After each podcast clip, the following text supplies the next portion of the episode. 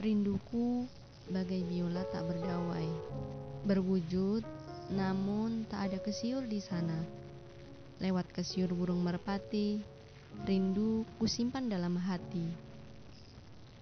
Lewat kesiur burung camar, kutitipkan rindu yang tak sampai.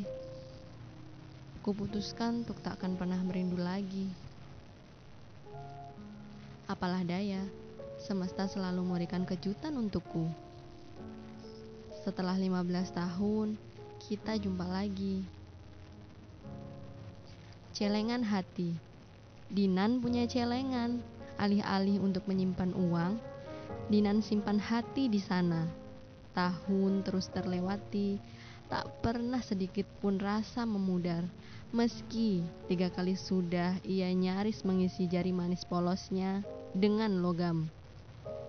Sang pujangga justru bergeming. Ataukah Dinan yang tak tahu? Entahlah, hanya Allah yang tahu. Dinan menunggu bertahun-tahun dan bersabar selama itu. Ia butuh jawaban. Tidakkah sang pujangga beruntung? Ada Dinan bersama ketulusannya.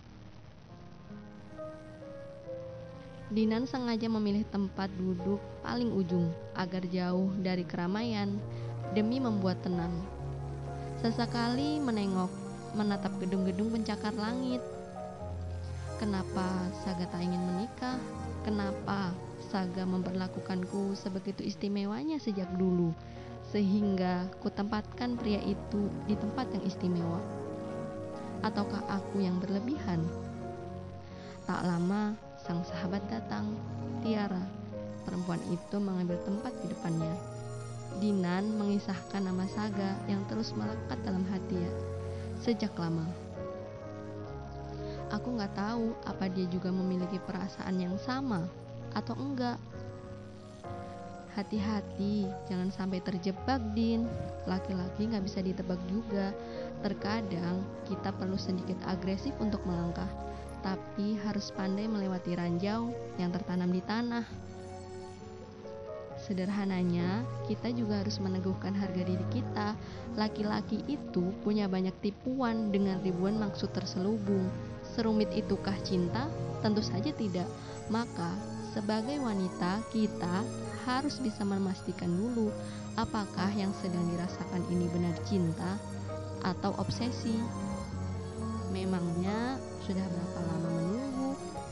Tanyanya penasaran. 15 tahun Mungkin Astagfirullah, jangan keras kepala. Terlalu lama menantikan seseorang itu akan membuatmu menderita juga. Bisa jadi itu bukan cinta, melainkan obsesi.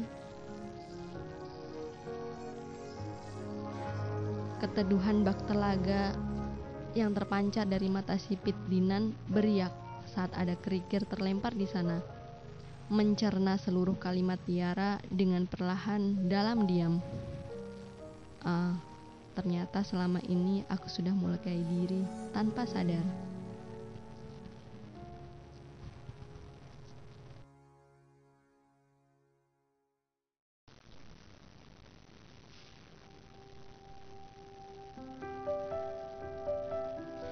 Kereta merayap meninggalkan stasiun meninggalkan Jakarta dengan segala sesak dan ramainya. Dari hiruk pikuk kehidupan kota, di bawahnya pikiran itu berai menuju kabut pegunungan. Sejuk angin di muka pintu, tetes bening air di ujung dedaunan. Semua hal tabu yang tak akan pernah ditemukannya di Jakarta akan ia jumpa Tak berarti Dinan pulang tanpa beban. Kepulangannya kini justru membawa cukup banyak beban.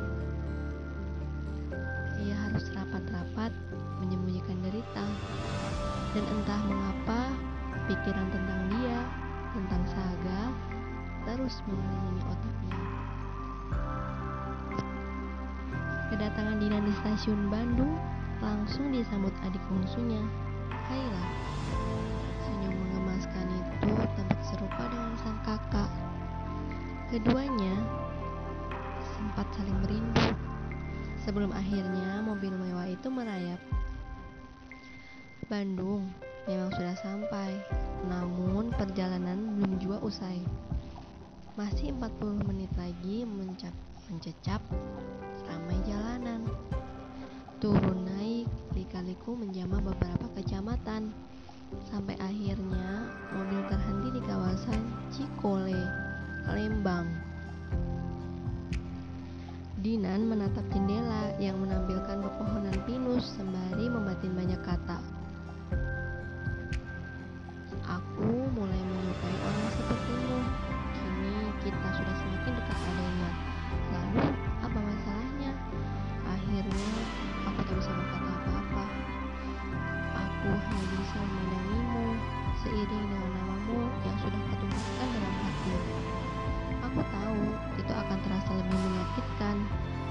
Apakah mungkin ada seseorang yang kau suka? Diriku yang seperti ini, apa itu mengganggumu? Sehingga semua ini terjadi di luar dugaan. Sekali lagi, aku hanya bisa diam tanpa bahasa. Aku hanya ingin melihatnya dan menyukainya.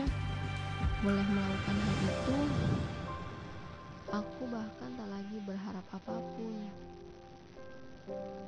Kenapa aku bisa melihat alismu yang gelap dan telingamu yang tipis? Tapi aku gagal melihat hatimu. Seharusnya setelah kita dipertemukan kembali, kita membahas kisah yang sebelumnya sempat terhenti atau membahas kisah baru yang akan kita rangkai bersama. Tetapi, mengapa pertemuan ini begitu mengandungkan banyak harapan? Sedih rasanya, tapi untuk apa bersedih? Siapa aku? Aku bukan orang yang layak merindukanmu. Terkadang menyuruh seseorang untuk tetap tinggal itu lebih buruk daripada menyuruh seseorang untuk pergi. Di tempat yang sunyi dengan cahaya redup, di tengah angin malam yang berhembus dingin, saat aku kehabisan napas, aku melihat ke langit. Ada cahaya bintang. Sekarang di sisiku ada seseorang yang berharga. Tolong menetap sedikit lebih dekat padaku. Bisakah kamu mendengar degup jantungku? Degup jantungku untukmu. Bahkan terkadang aku tak bisa menahannya. Apakah kamu melihat air mataku menyapu pipi bagai angin? Jujur, jika aku hanya memikirkan ego, aku hanya ingin menggenggam cintamu. Satu detik pun cukup untuk menggambarkan besar perasaanku. Rasa yang kutanam sendirian. Aroma gunung dan tanah basah begitu kuat. Kaki pun menjejaki rerumputan menuju rumah bergaya modern minimalis di kawasan tersebut. Alunan bel kuno begitu menyeruak bersamaan dengan sebuah cahaya kuning yang sorotnya semakin dekat. Dinan menyipit saat cahaya lampu begitu menyilaukan di tengah pekatnya malam. Sebuah ontel kuno yang eksis di tahun 90-an menyapa. Assalamualaikum Dara Dinanti. Begitulah suara husky itu terdengar, suara yang sangat tidak asing. Ternyata dunia ini begitu sempit. Terima kasih sudah mendengarkan podcast Portal Rindu. Sampai bertemu di episode selanjutnya.